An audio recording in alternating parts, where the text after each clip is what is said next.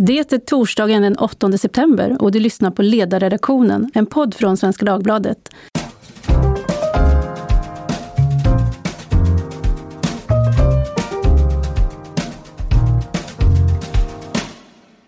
Jag heter Tove Livendal och här i studion med mig sitter Göran Persson, aldrig ensam, alltid ensam. Varmt välkommen Göran! Tack så mycket!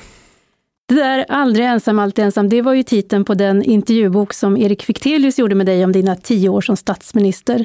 Den utsagan kan man ju tolka på flera sätt, så vad avsåg du att beskriva med det uttrycket? Det absurda i situationen att ha ett sådant uppdrag som är så enormt publikt. Eh, å ena sidan, du är aldrig ensam i den meningen att du alltid är iakttagen av någon. Är det inte livvakter så är det andra människor som finns runt omkring det eller eh, media eller politiska motståndare. Du kan aldrig vara riktigt säker på att du är helt privat, helt ensam. Du är aldrig ensam i den meningen. Och då var här ändå sagt före den tid då alla gick runt, som idag när alla går runt med en kamera i väskan. Tänk den stackars finska statsministern mm. som ju trodde att hon var ensam, men det var hon ju inte. Eh, I den meningen, aldrig ensam. Men i den andra meningen, när det kommer till beslut, eh, alltid ensam. Därför att du vet att i slutänden så har jag uppgiften att se till så att det tas ett beslut. Andra kanske gör det på resan vägen fram. Men eh, i slutändan så ska man se till så att det har blivit gjort och helst också på rätt sätt. Eh, det ansvaret kan du inte lämna till någon annan, det har du. Och i det läget är du ensam, alltid ensam. Det är den där dubbelheten i uppdraget som både gör det attraktivt, ska sägas, eh, och eh, dessutom lite skrämmande. Ja, men då måste man ju, jag tänker du, du, du kan ju inte gå på stan anonymt idag antar jag. Har man en gång varit landets statsminister, då är man sedan aldrig ensam på stan. Nej, det kan man nog säga. I växande utsträckning så, så inträffar väl det att jag känner att jag inte är iakttagen. Men eh, det är trots allt, vad är det, snart eh, 16 år sedan jag slutade, mer är det väl. 2006 till 2022, ja. ja. Det är 16 år. Så det borde ha så att säga, klingat av. Men eh, det har det inte gjort, men det gör det gradvis, det känner jag nog. Men jag agerar hela tiden nu också som om jag var igenkänd. Därför att jag vill naturligtvis inte dra på mig onödig kritik eller skada de som har valt mig till nya förtroendeuppdrag genom att jag beter mig på ett dåligt sätt. Så att jag är väldigt försiktig. Går du mot röd gubbe? Ja, det händer nog att jag kan göra om jag tittar mig omkring ordentligt. Och det är naturligtvis någonting som man gör med stigande ålder. Tittar sig runt ordentligt. Men mot rödgubbe har jag nog gått. Ja, det har jag. Du var Sveriges statsminister 96 till 2006, skolminister 1989 till 91, finansminister 1994 till 96.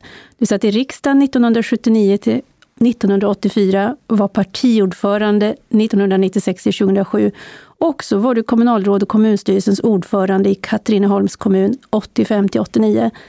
Vilket var det mest stimulerande uppdraget respektive det svåraste? Ja, det är nog ingen tvekan. Eh, det mest stimulerande och det svåraste var statsministeruppdraget. Eh, någonting eh, eh bättre ges inte och någonting eh, svårare finns inte heller. Jag har hela tiden haft och har den uppfattningen att när politik är som bäst är den högsta formen av intellektuell verksamhet. Du får verkligen testa alla möjliga intellektuella utgångar och alternativ. Och du måste besitta själv en så bred kompetens så att du kan göra det. Och inte bara nog med detta, du ska sen också ha förmåga att kommunicera det du har hanterat. Och du ska sen dessutom kunna försvara dig, inte bara i en kommunikation utan kanske också i en hård attack. allt det där rymmer väldigt svåra saker, men ingen av dessa utmaningar är ointressant, tvärtom. Eh, väldigt stimulerande. Den högsta formen av intellektuell verksamhet kan man nog kalla politik, när det är som bäst. När det är som sämst så tar jag inte det uttrycket i min mun. Det lämpar sig inte för att sända i podd. Nej, det gör det inte. Inte ens här. Och eh, när jag tänker på de här uppdragen som du hade innan, eh, det, kan du som, se att ja, men de här sakerna eh, hade jag med mig när jag sen gick in i det svåraste uppdraget? Ja, det kan jag väl kanske se en linje. Eh, jag har ju ofta sysslat med att ta praktiskt ekonomiskt ansvar. Att vara kommunalråd är ju att vara någon slags lokal finansminister.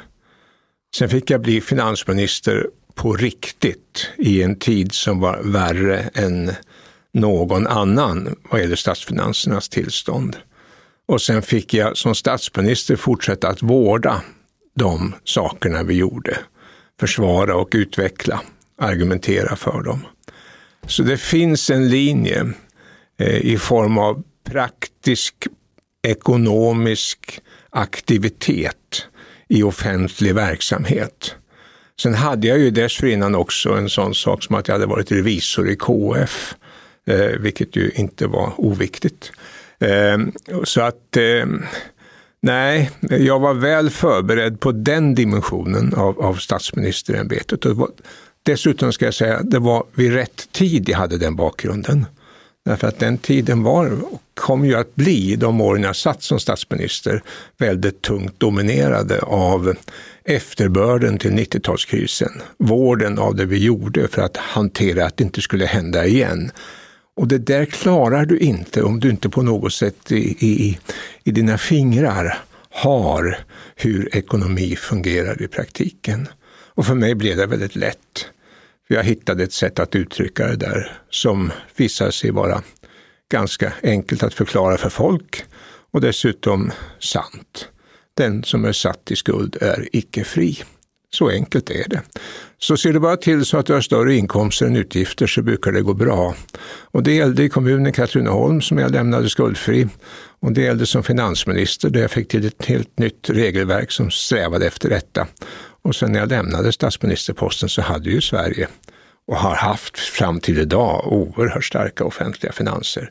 Det är därför jag tror att vi klarar den här krisen vi är inne i nu på ett sätt som andra kan avunda oss. Men eh, man ska inte röra till det ekonomiska politiska ansvaret. Det handlar trots allt om ganska enkla saker. Och när man rör till det så är det i regel ett sätt att fly bort från de svåra besluten. Den som är satt i skuld är icke fri. Jag citerade faktiskt dig ibland när jag talar med mina barn om deras ja, privatekonomi. Ja, ja och, och, det går in, eller hur? Ja, ja absolut. Ja, det, sen är det, det finns andra intressen som står emot, kan man säga. Jag är inte motståndare till att låna, men då ska det vara till sådant som är långsiktigt bygger upp din ekonomi, inte till någon konsumtion. Ja, just det. Ja, mm. jag, jag kanske ringer dig om jag går på grund igen. Ett annat sånt där genialt, tycker jag, uttryck eh, är ju det här stolt men inte nöjd. Mm. Eh, när du tittar tillbaka på din gärning, är det någonting som, hur, hur skulle du själv sammanfatta om du fick recensera dig själv? Alltså den dagen man är nöjd, då är det över, då är det slut. Stolt ska man vara om man verkligen har gjort sitt bästa och tycker att man har lyckats. Det är inget att skämmas för att vara stolt. Men ibland i jantelagens så att säga, miljö så kan ju också detta tolkas lite fel. Jag är stolt över det jag gjorde men naturligtvis inte nöjd. Mycket kunde ha gjorts bättre, tidigare, snabbare, mer begåvat. Men jag gjorde det jag gjorde och jag är stolt över det och jag står för det. Jag tänker inte sitta och gråta för allt jag missade, för det gjorde jag naturligtvis. Är Sverige ett bättre eller ett sämre land idag jämfört när du var statsminister? Det är ett bättre land på många sätt. Eh, men det är också en del problem som har växt fram under senare 10-15 år som vi inte ens kände till då. Så det, det, är ett annat Sverige. Eh, bättre i meningen att, så att säga, vi har, har, har eh, en bra sysselsättning, människor har haft god ekonomi och kunnat förverkliga mycket av sina livsdrömmar och sådana saker. I den meningen, ja. Eh, bättre i meningen att vi börjar på att förstå att vi kan hantera en sån här sak som klimatutmaningen. Det är inte domedag utan det är någonting som vi kan ta oss an och det kan till och med ligga en möjlighet i detta. Som jag talade rätt mycket om redan i mitten på 90-talet. Mitt installationstal handlade ju om det gröna folkhemmet. Och då hade jag en formulering som jag är väldigt nöjd med själv och som jag har, har, har använt sedan dess. Och det är att nästa stora språng i den ekonomiska utvecklingen tar vi just därför att vi tvingas göra den ekologiskt uthållig. Det där som drivkraft. Så den meningen är bättre. Eh, I, i, i andra meningar naturligtvis sämre. Eh, den kriminalitet, den grova kriminalitet vi har idag, den såg vi inte då. Det kanske fanns något uttryck för det, men det här massiva, storskaliga, absolut inte. Och det är väldigt dåligt och det är farligt också. Ehm, då hade vi också vid den tidpunkten någonting som jag tyckte var viktigt eh, och det höll på att luckras upp då. Det var att vi hade ju haft eh, en samsyn omkring migrationspolitiken eh, mellan socialdemokrater och moderater. Och där fanns ju också Svenskt Näringsliv och LO. Det var ju liksom hörnstenarna i, i, i, i en, en vettig migrationspolitik. Det bröts upp då och sen dess har det börjat eh, att eh, eh sen dess har det fortsatt i den riktningen. Det toppar med den här migrationskrisen 2015-2016. Är det rätt av Sverige att gå med i Nato? Ja, det är naturligtvis för många ett svårt beslut. Men som utvecklingen har blivit, med den eh, monumentala osäkerhet vi har eh, i, den ryska statsledningen, så fanns inget annat alternativ.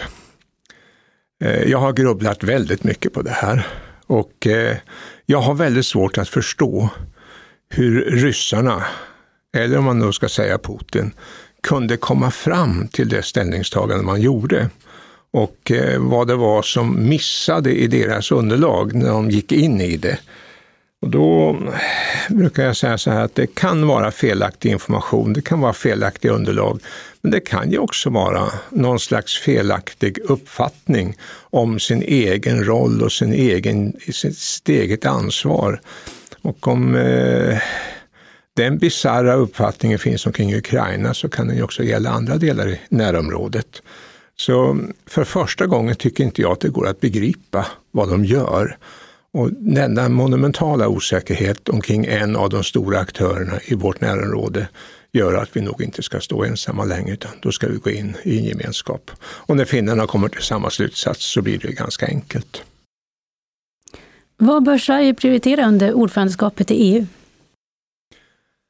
Vi kommer att få syssla väldigt mycket med Ukraina naturligtvis, självklart. Eh, och jag tror att vi har goda förutsättningar att vara duktiga där om man säger så. Jag tror att vi är ett, vi är ett, eh, ett väl känt land inom EU och vi har goda relationer åt många olika håll. Jag tror att vi kan göra en insats. Om man ser ett snävare svenskt perspektiv så tycker jag att man ska använda ordförandeskapshalvåret till att flytta fram positionerna vad gäller skogsfrågorna. Eh, det är ett snävt, inte snävt svenskt, men det är ett mycket svenskt perspektiv som har oerhörd betydelse för oss. Skogen är vår ekonomiska ryggrad. Och jag brukar säga att vi, Sverige är en skog. Och det är det ju om man tittar på kartan. Det är en skog. Och i den skogen lever och verkar vi och av den skogen har vi kunnat också ha ekonomisk nytta. Och nu känner vi att det där håller på att glida oss ur händerna därför att den Europeiska unionen börjar på att tillämpa resonemang omkring skogsbruk som vi inte känner igen. Och skulle de få råda så skulle det skada oss oerhört mycket och också våra ansträngningar att bekämpa klimatförändringen. Så skogsfrågorna hoppas jag verkligen att man prioriterar. Jag funderar på, eh, apropå den här taxonomin som EU kommer sättandes med och som ändå utmanar oss. Skulle vi ha gjort någonting tidigare, tänker jag, från Sveriges sida, för att kunna förhindra att vi kom i det här ja, läget? Ja, jag tycker det. Eh, och det kan jag vara lite kritisk, kanske till och med självkritisk, men Eh, vi har hela tiden haft uppfattningen att EU ska inte lägga sig i skogsbruket. Och så har vi liksom med det tyckt att eh, därmed så har vi gjort klart vad som gäller. Men EU har ju då ändå haft andra eh, projekt som påverkar skogen och där Sverige också har varit pådrivande. tar alla de direktiv som har kommit sedan vi tog miljöbalkerna bara på fri hand här nu i minnet Eh, klimatdirektiv påverkar naturligtvis skogen. Vattendirektivet, oerhört stor påverkan på skogen. Eh, fågeldirektiv, art och habitatdirektiv, handelsdirektiv. Jag skulle tro att det är en tio direktiv med lagstiftningsställning som var för sig påverkar svenskt skogsbruk. Eh, men det direktiv vi har hållit emot har ju varit att de inte ska komma med ett direktiv som talar om hur vi ska bedriva skogsbruket som sådant. Men alla regelverk runt omkring har vi sagt ja till. Och därmed sitter vi i ett ganska bekymmersamt läge därför att vi har ju dessutom implementerat de regelverken på ett sådant sätt i svensk lagstiftning att vi har gått väldigt långt. Vi har maxat så att säga mm. det europeiska regelverket till skillnad från våra finska vänner som har varit lite mer motståndskraftiga. Den där saken, eh, ja, jag, tycker inte, jag tycker inte att vi har sett klart och att se klart hade nog varit att förstå att EU håller på att skaffa sig direktivrätt över skogen, fast inte i form av ett skogsdirektiv, utan i form av en lång rad andra direktiv. Det har vi missat. Finns det olika sätt att undergräva den här subsidiaritetsprincipen kanske? Ja, och subsidiaritetsprincipen den höll jag på att säga, ger jag inte så mycket för, därför att den är, den, den är väldigt politiskt styrd. Eh, och eh, då är det nog ganska bra att ibland ha en och annan så att säga, tydlig lagtext eller direktivtext eh, än att bara rent allmänt säga subsidiaritet. Mm. Men ja, jag tycker inte att vi har gjort ett bra arbete att bevaka våra rättigheter och våra intressen. Men det är inte för sent. Så kan man säga. Mm. Eh, I en intervju i Dagens Industri i juli 2011 så sa du att vi går mot en europeisk federation. Det kanske ligger 30 år bort, men det är, inte så, det är inte lång tid när vi talar om den här typen av stora förändringar. Och det är nu 11 år sedan. Tror du fortfarande att det förhåller sig så? Ja, och i växande grad. Alltså sätt in eh, EU i den internationella kontexten, i det som just nu sker runt omkring oss. Ehm, ett Ryssland som är i krig och oerhört svårt att bedöma vart de går. Ett Kina som uppenbarligen växer i, i ambition att eh, påverka sin omvärld, gör det på ett annat sätt än vad många andra stormakter har gjort, men definitivt så. Och en gigant på vissa strategiska produkter i det fria varuflödet. Titta på USA som just nu har en president som vi tycker om. Men eh, för bara något år sedan, ett par år sedan, så hade man en helt annan situation.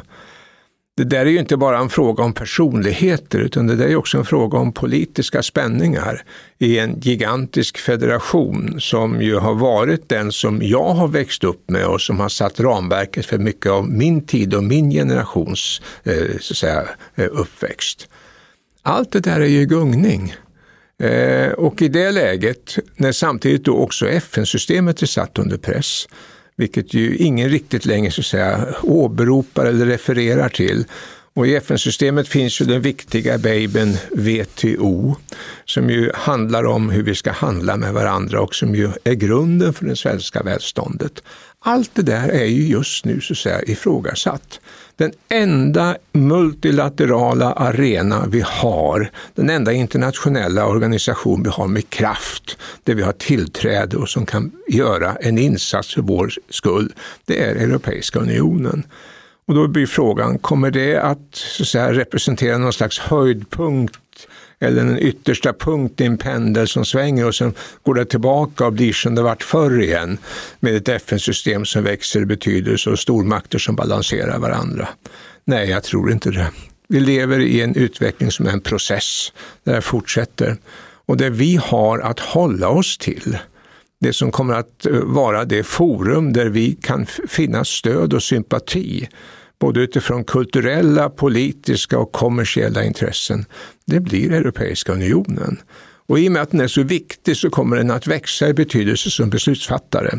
Och vi kommer att se att den tar på sig nya arbetsuppgifter. Nästa nya stora arbetsuppgift är naturligtvis en militär dimension. Det vi ju naturligtvis aldrig trodde skulle hända. Därför att EU växte ju fram som en respons på ett andra världskrig, en antimilitaristisk organisation som sysslade med att få kontroll på kolet och stålet för att hindra en rustningsindustri och syftade till att producera mat åt svältande människor. Nu blir det nog så att eh, när vi samarbetar internationellt militärt så kommer det att finnas en växande EU-dimension i detta. Och det är viktigt för oss, därför att det kan ju också vara så i framtiden att vi får en ny amerikansk regim som inte är helt förtjust i att orientera sig mot Atlanten utan ser att det är Stilla havet som så att säga attraherar intresset. Så ja, jag tror att EU kommer att växa i betydelse och jag tror att det kommer att medföra att man då måste ha ett effektivare beslutsfattande och då tror jag att det kommer att resultera i att vi hittar en ny konstitution för den Europeiska unionen och låt oss kalla det för en federation. Då. Vad tror du om det nordiska inom ramen för detta? Nu blir det ju också så att vi får en gemenskap inom Nato. Ja, vi har ju varit väldigt splittrade internationellt. Det enda vi har haft har varit Nordiska rådet. Vi har haft olika syn på försvarssamarbetet, olika syn på EU-medlemskapet, olika syn på valutor, allting. Vi har gått åt olika håll. Det har inte varit en bra period för Norden. Eh, vi har likartade värderingar, vi har likartade sociala villkor, vi har i stort sett likartade ekonomier, med undantag för den norska som är naturligtvis väldigt, väldigt speciell i visst avseende. Men det är klart, tillsammans utgör vi en grupp som kan vara en mäktig agendasättare. Eh, och eh, i det läget så tror jag också att våra norska vänner finns inne i den europeiska gemenskapen och är med och påverkar dagordningen. Det tror jag. Är det dags eh, i Sverige att aktualisera frågan om euron igen? Den kommer att aktualisera sig själv. Det har varit min bestämda uppfattning hela tiden. Jag tror inte att det går att driva någon slags kampanj och säga nu ska vi gå med i euron och sen ha en folkomröstning och vara säker på att man ska få ett positivt svar. Därför att eh, det, det, det skjuts sönder den typen av folkbildande, mer avancerade resonemang i dagens eh, ganska tuffa medieklimat, eller snuttifierade medieklimat. Däremot eh, finns det risk för att vi kommer att råka ut för ekonomiska kriser framöver som gör det naturligt att söka skydd. På samma sätt som vi nu hamnade i ett NATO-medlemskap kan man mycket väl hamna i ett euromedlemskap. Idag är den svenska kronan långt ifrån stark. Eh, än så länge tycker vi inte att det är ett jätteproblem, men fortsätter det i den riktningen så det är klart att då kommer resonemanget att komma. Och då kommer vi att bli medlemmar i euron, tror jag, utan någon stor folkomröstning, utan bara som, som ett, ett, en suck av lättnad att vi har fått komma in i en säkrare hamn. Ungefär likartat det vi har sett med NATO-medlemskapet. Vi har ju varit inne på det här med växande geopolitiska spänningar som vi ser och eh, det, det uppfattar jag som att en, en väg i detta för Sverige är ju då att just söka sig till samarbeten som kan skapa eh, kanske åtminstone större trygghet för i, oss i den här delen av världen. Men när du tittar ut, jag, jag, vet för några år sedan så var jag hos Totalförsvarets forskningsinstitut och de har ett väldigt enkelt sånt här rödljussystem. De tittar på världskartan, det är rött, då är det utbrutna konflikter, är det gult så är det spänt läge och grönt så är det ingen mm. konfliktrisk. Och de, de sa då att då, sällan det har varit så mycket rött och gult på kartan som det är nu. Samtidigt har vi också haft långa perioder av fred. Ehm, så jag tror att de här krisskapande jättarna begriper vad krig kostar. Och eh, I den förvissningen levde jag nog ganska trygg tills för ett halvår sedan ungefär. Ehm, jag brukar säga när jag talar om det här på universitet och högskolor till de studenter som sitter där. Lär er allting om konflikten mellan Korea, Japan och Kina. Därför att där har vi tre av världens ledande ekonomier som har en historia som är fylld av hat och konflikter. Och när man rör sig i de länderna och möter människor så märker man att det ju fortfarande är levande på många sätt. Eh, och skrämmande. Eh, och eh, Skulle det bryta ut de konflikterna, kanske kopplat till någon slags aggression i, i anslutning till Taiwan, skulle det bryta ut, då har vi ju världsekonomin i total gungning. Det där tror jag nog också att eh, eh, det kommer att påverka varåt så att säga, eh, intresset förskjuts framöver. Det går i den riktningen. Eh, och där kommer amerikanarna att vara minst sagt närvarande. Eh, och eh, på vilket sätt det får vi väl se, men eh, att vara den ledande ekonomiska stormakt de är och se den risk som representeras av en växande konflikt i den delen av världen, det är att i praktiken be om en ekonomisk nedgång. Vi ser nu på halvledare och den typen av olika strategiska material för vår produktion hur, hur, hur sårbart det är. Det där kommer nu närmaste tiden att resultera i att man, och det har ju redan startat, man plockar hem produktion, man garderar sig, man tar höjd för saker och ting som kan hända. Ehm, det är bara i början. Ehm, det kommer att fortsätta och jag tror att hur Kina väljer att bete sig mot sina grannar blir avgörande för mina barns och barnbarns framtida politiska klimat. Eh, och där har vi en jättegranne till Kina som vi aldrig talar om, men som är också oerhört intressant att titta på. Det är ju Indien. Hur den kinesiska och indiska relationen utvecklas. Om den fortsätter att vara konfliktfylld, för att det har den ju varit, om det skulle bli värre konflikter, militära konflikter, eh, då skadar det på ett sätt som inte bara är ekonomiskt utan också gravt politiskt. Annars har ju Indien, om de orkar hålla fast vid en demokratisk utveckling, en oerhörd potential. Jag brukar säga att eh, Indien är det ju ingen som är rädd för, brukar jag säga. Eh, vilket eh, finns några grannstater som kanske inte håller med om den saken. Men i ett, i ett stort internationellt perspektiv och eh, är det någon som skulle kunna bygga en relation med ett eh, växande Afrika så inte är det kineserna som använder den gamla europeiska kolonialmaktens metoder, utan det är ju ett Indien som de inte är rädda för.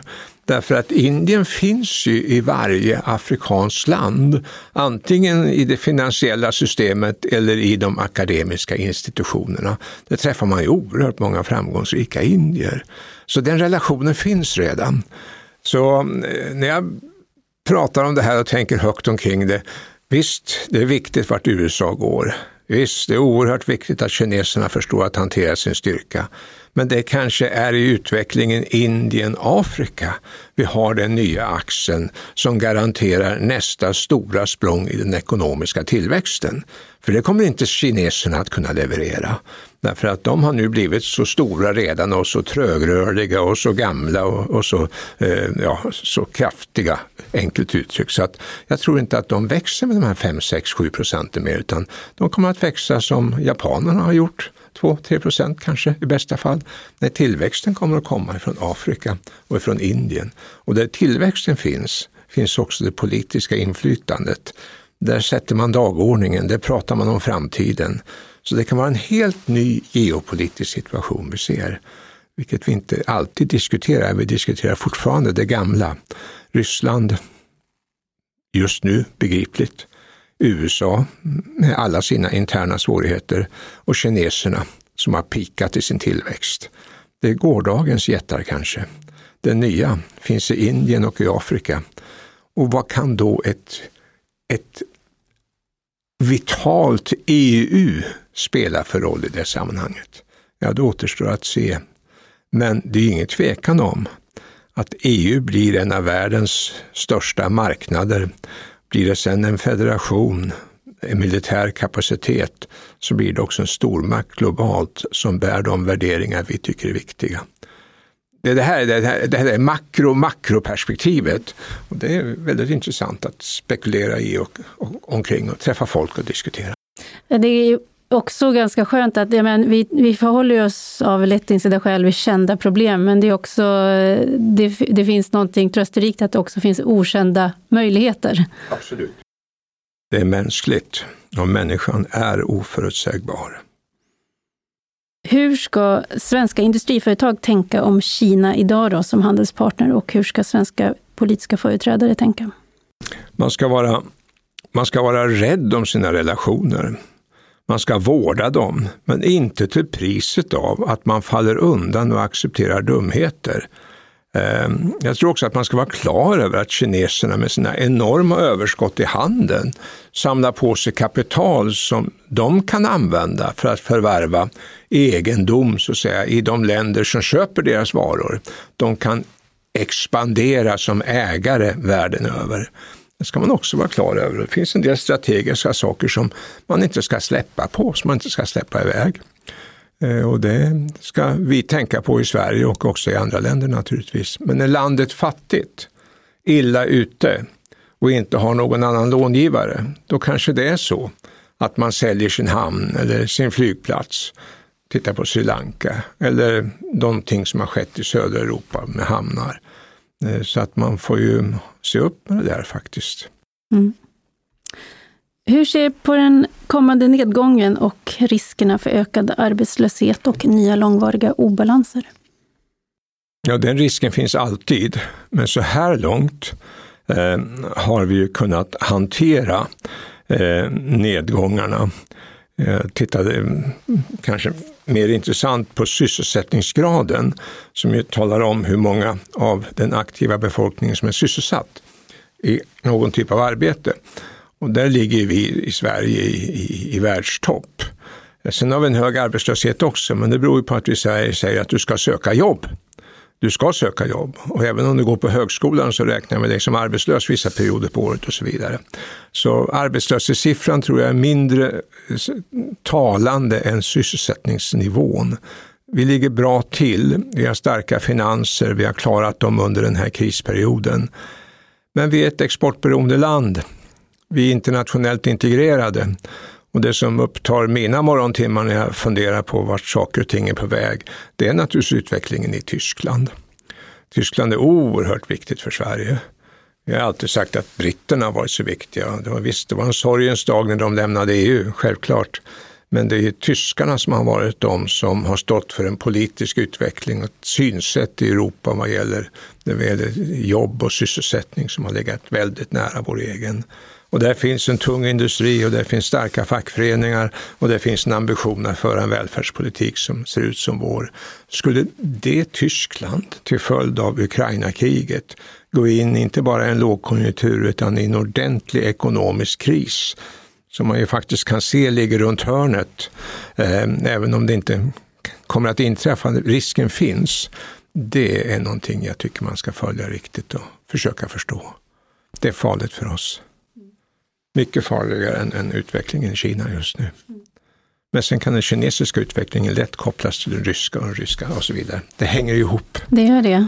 Mm. Och det blev så tydligt under eh, sen den 24 februari på mm. alla plan. Mm. mm. Eh, Sverigedemokraterna de samlar idag nästan 20 procent i opinionen och i LO är man jämstora med Socialdemokraterna. Vad tänker du om det? Jag ser det som ett misslyckande för fördelningspolitik. Och det är två dimensioner. Vi har haft bra år i Sverige, men det finns människor som känner att de inte är med. Eh, vi har stora grupper som är oerhört viktiga för oss, som, som eh, är dåligt betalda. Och det är klart att där växer missnöjet och då är det lätt att säga att det gamla är bara skräp. Låt oss gå för någonting nytt. Den fördelningspolitiken Eh, är en dimension. Sen finns en annan fördelningspolitik och det är att eh, vissa kommuner och landsändar eh, känns nästan övergivna.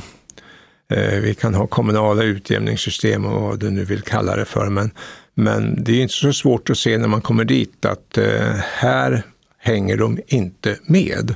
Här finns inte framtidstro. Här är det lätt gjort att någon säger att det är deras fel, någon annans fel, de som inte ser ut som vi. Det är därför det har blivit som det har blivit. Och så växer det fram, också i den meningen, en, en, ett, ett stöd för Sverigedemokraterna beroende på en fördelning som inte är rättvis mellan stad och land. Det där är underskattat politiskt, det sista, stad och landperspektivet. Eh, jag tror inte att det går att regera Sverige utan stöd av landsbygdsväljarna. Och tittar man historiskt på, på svenska val så har det ju varit så att eh, landsbygdens folk i någon mening har varit inne i regeringsställningen eller avgjort regeringssammansättningen. Eh, numera representerar ju inte landsbygdens folk av Centerpartiet som det gjorde en gång i tiden. Det stora landsbygdspartiet i Sverige har ju varit Socialdemokraterna. Vi har ju varit störst på landsbygden. Kanske vi fortfarande är, men det är inte alls samma situation som det har varit. Och eh, skulle landsbygdens röster splittras åt många olika håll så blir det nog svårt att få till en regering.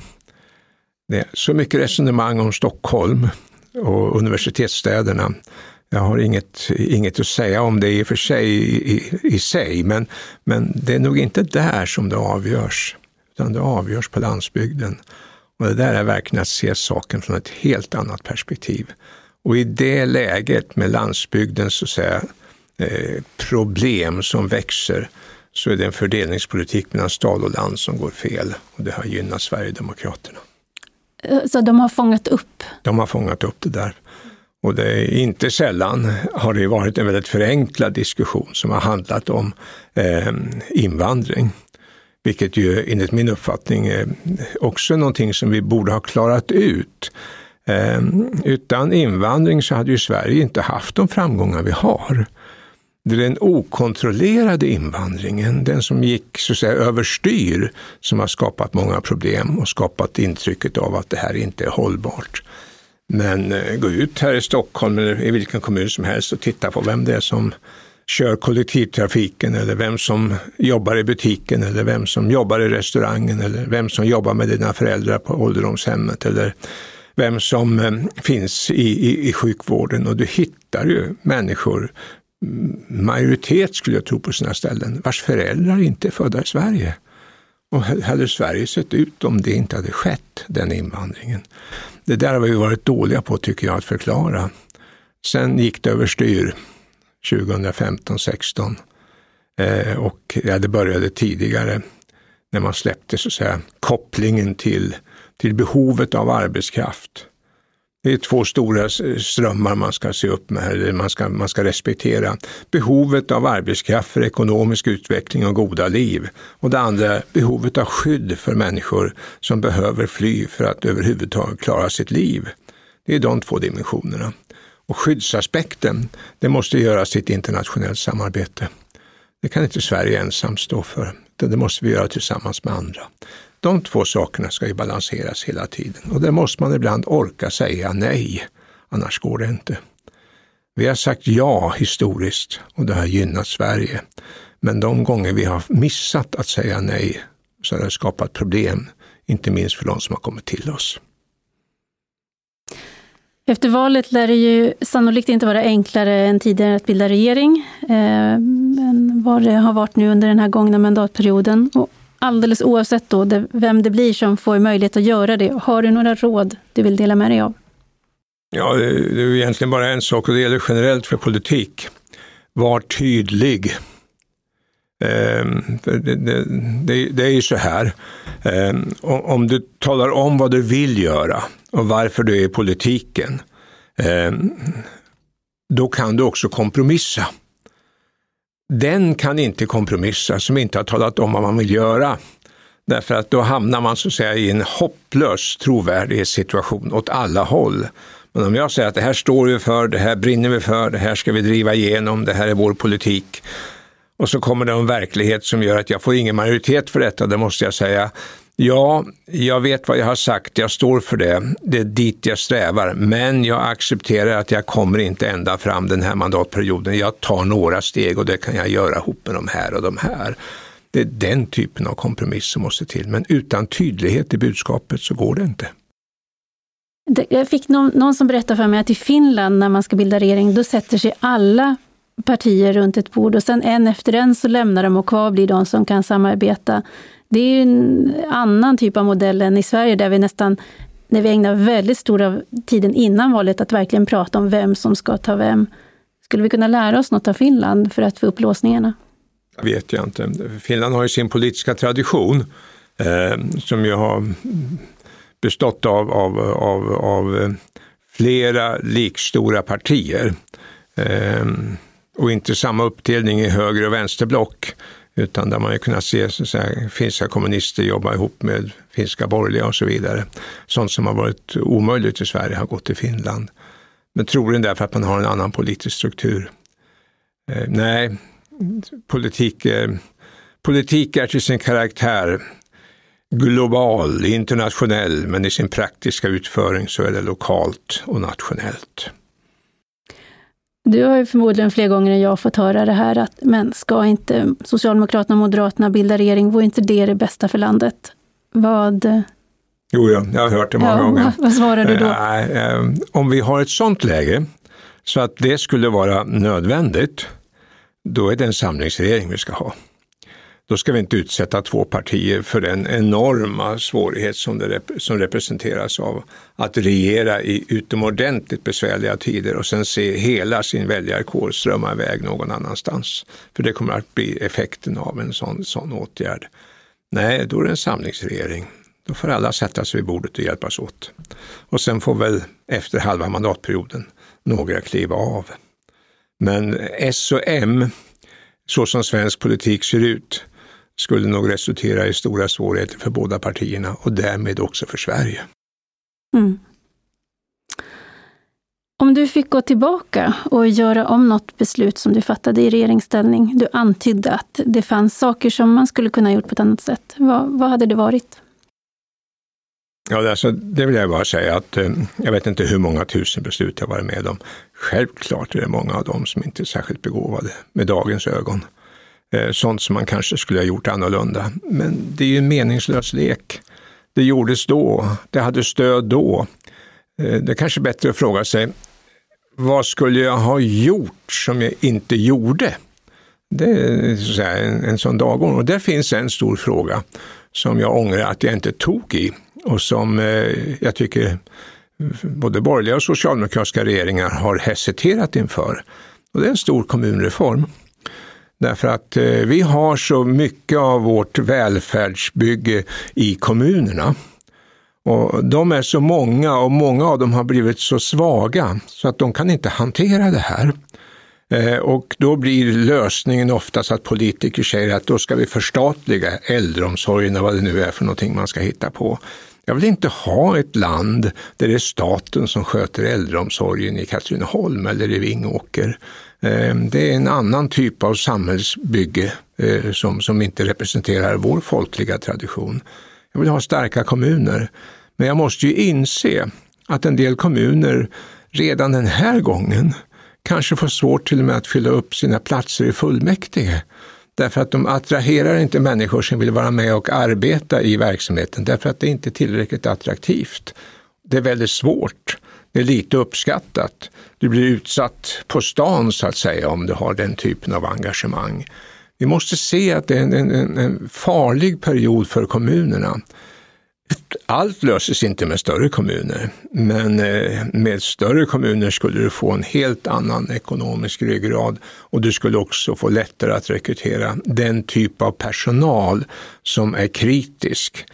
Också en liten kommun är ett stort företag om man eh, tar den typen av beteckning eh, med tusentals anställda som behöver ha en oerhört skicklig ekonomichef, en bra jurist, en fantastisk personalchef, alltså topppersoner.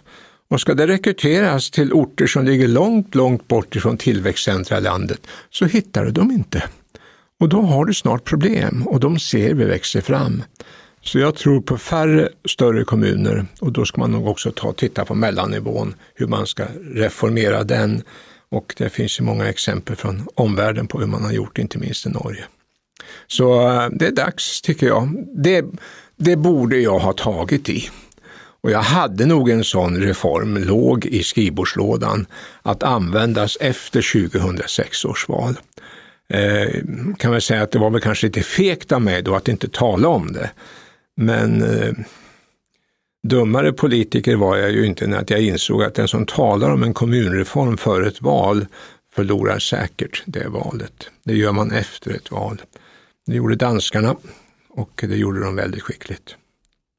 Det är intressant för jag tänker att det, det, en sån modell skulle också kanske innebära en större maktbalans mot staten. Där jag tänker under just, vi nämnde migrationskrisen 2015, så blev det uppenbart att ja, staten ålade kommunerna ja, ett åtagande ja. som blev för tungt. Ja, precis.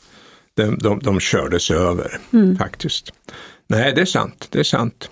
Men eh, vi har alltså 293 kommuner. Det kanske skulle vara 100 i Sverige. Mm. Och då är det ändå internationellt sett inga jättar vi talar om, utan ganska små. Men om vi inte gör det så tror jag att vi får växande problem och växande diskrepanser mellan kommunerna. Det är inte rimligt att de som har den sämsta kommunala servicen också har den högsta kommunala skatten. Det är dagens systems avart, bland annat. Det är inte rimligt. Det är inte hållbart i längden. Och då måste någon ta i det. Och då behövs det en modig politiker som kliver fram och gör det. Och det borde jag ha gjort. Står du till råd och tjänst oavsett eh, vilken regering som är villig att titta på denna fråga efter valet? Det är en medborgerlig plikt att alltid ställa upp för sin regering. Mm. Det är nu tre dagar kvar. Hur planerar du valdagen? Ja, det är en söndag. Eh, jag tycker det är viktigt att rösta i vallokalen, så det kommer jag att göra. Men innan dess så ska jag börja med mina djur, mina kor och kvigor och kalvar. Se till dem, eftersom söndagar är det jag som har det ansvaret. Och sen därefter så snyggar vi till oss, tror jag, Anitra och jag, och så går vi och röstar. Och sen på kvällen tror jag att jag deltar i valvakan i Stockholm. Jag är inte säker på det. Jag tror det. Mm.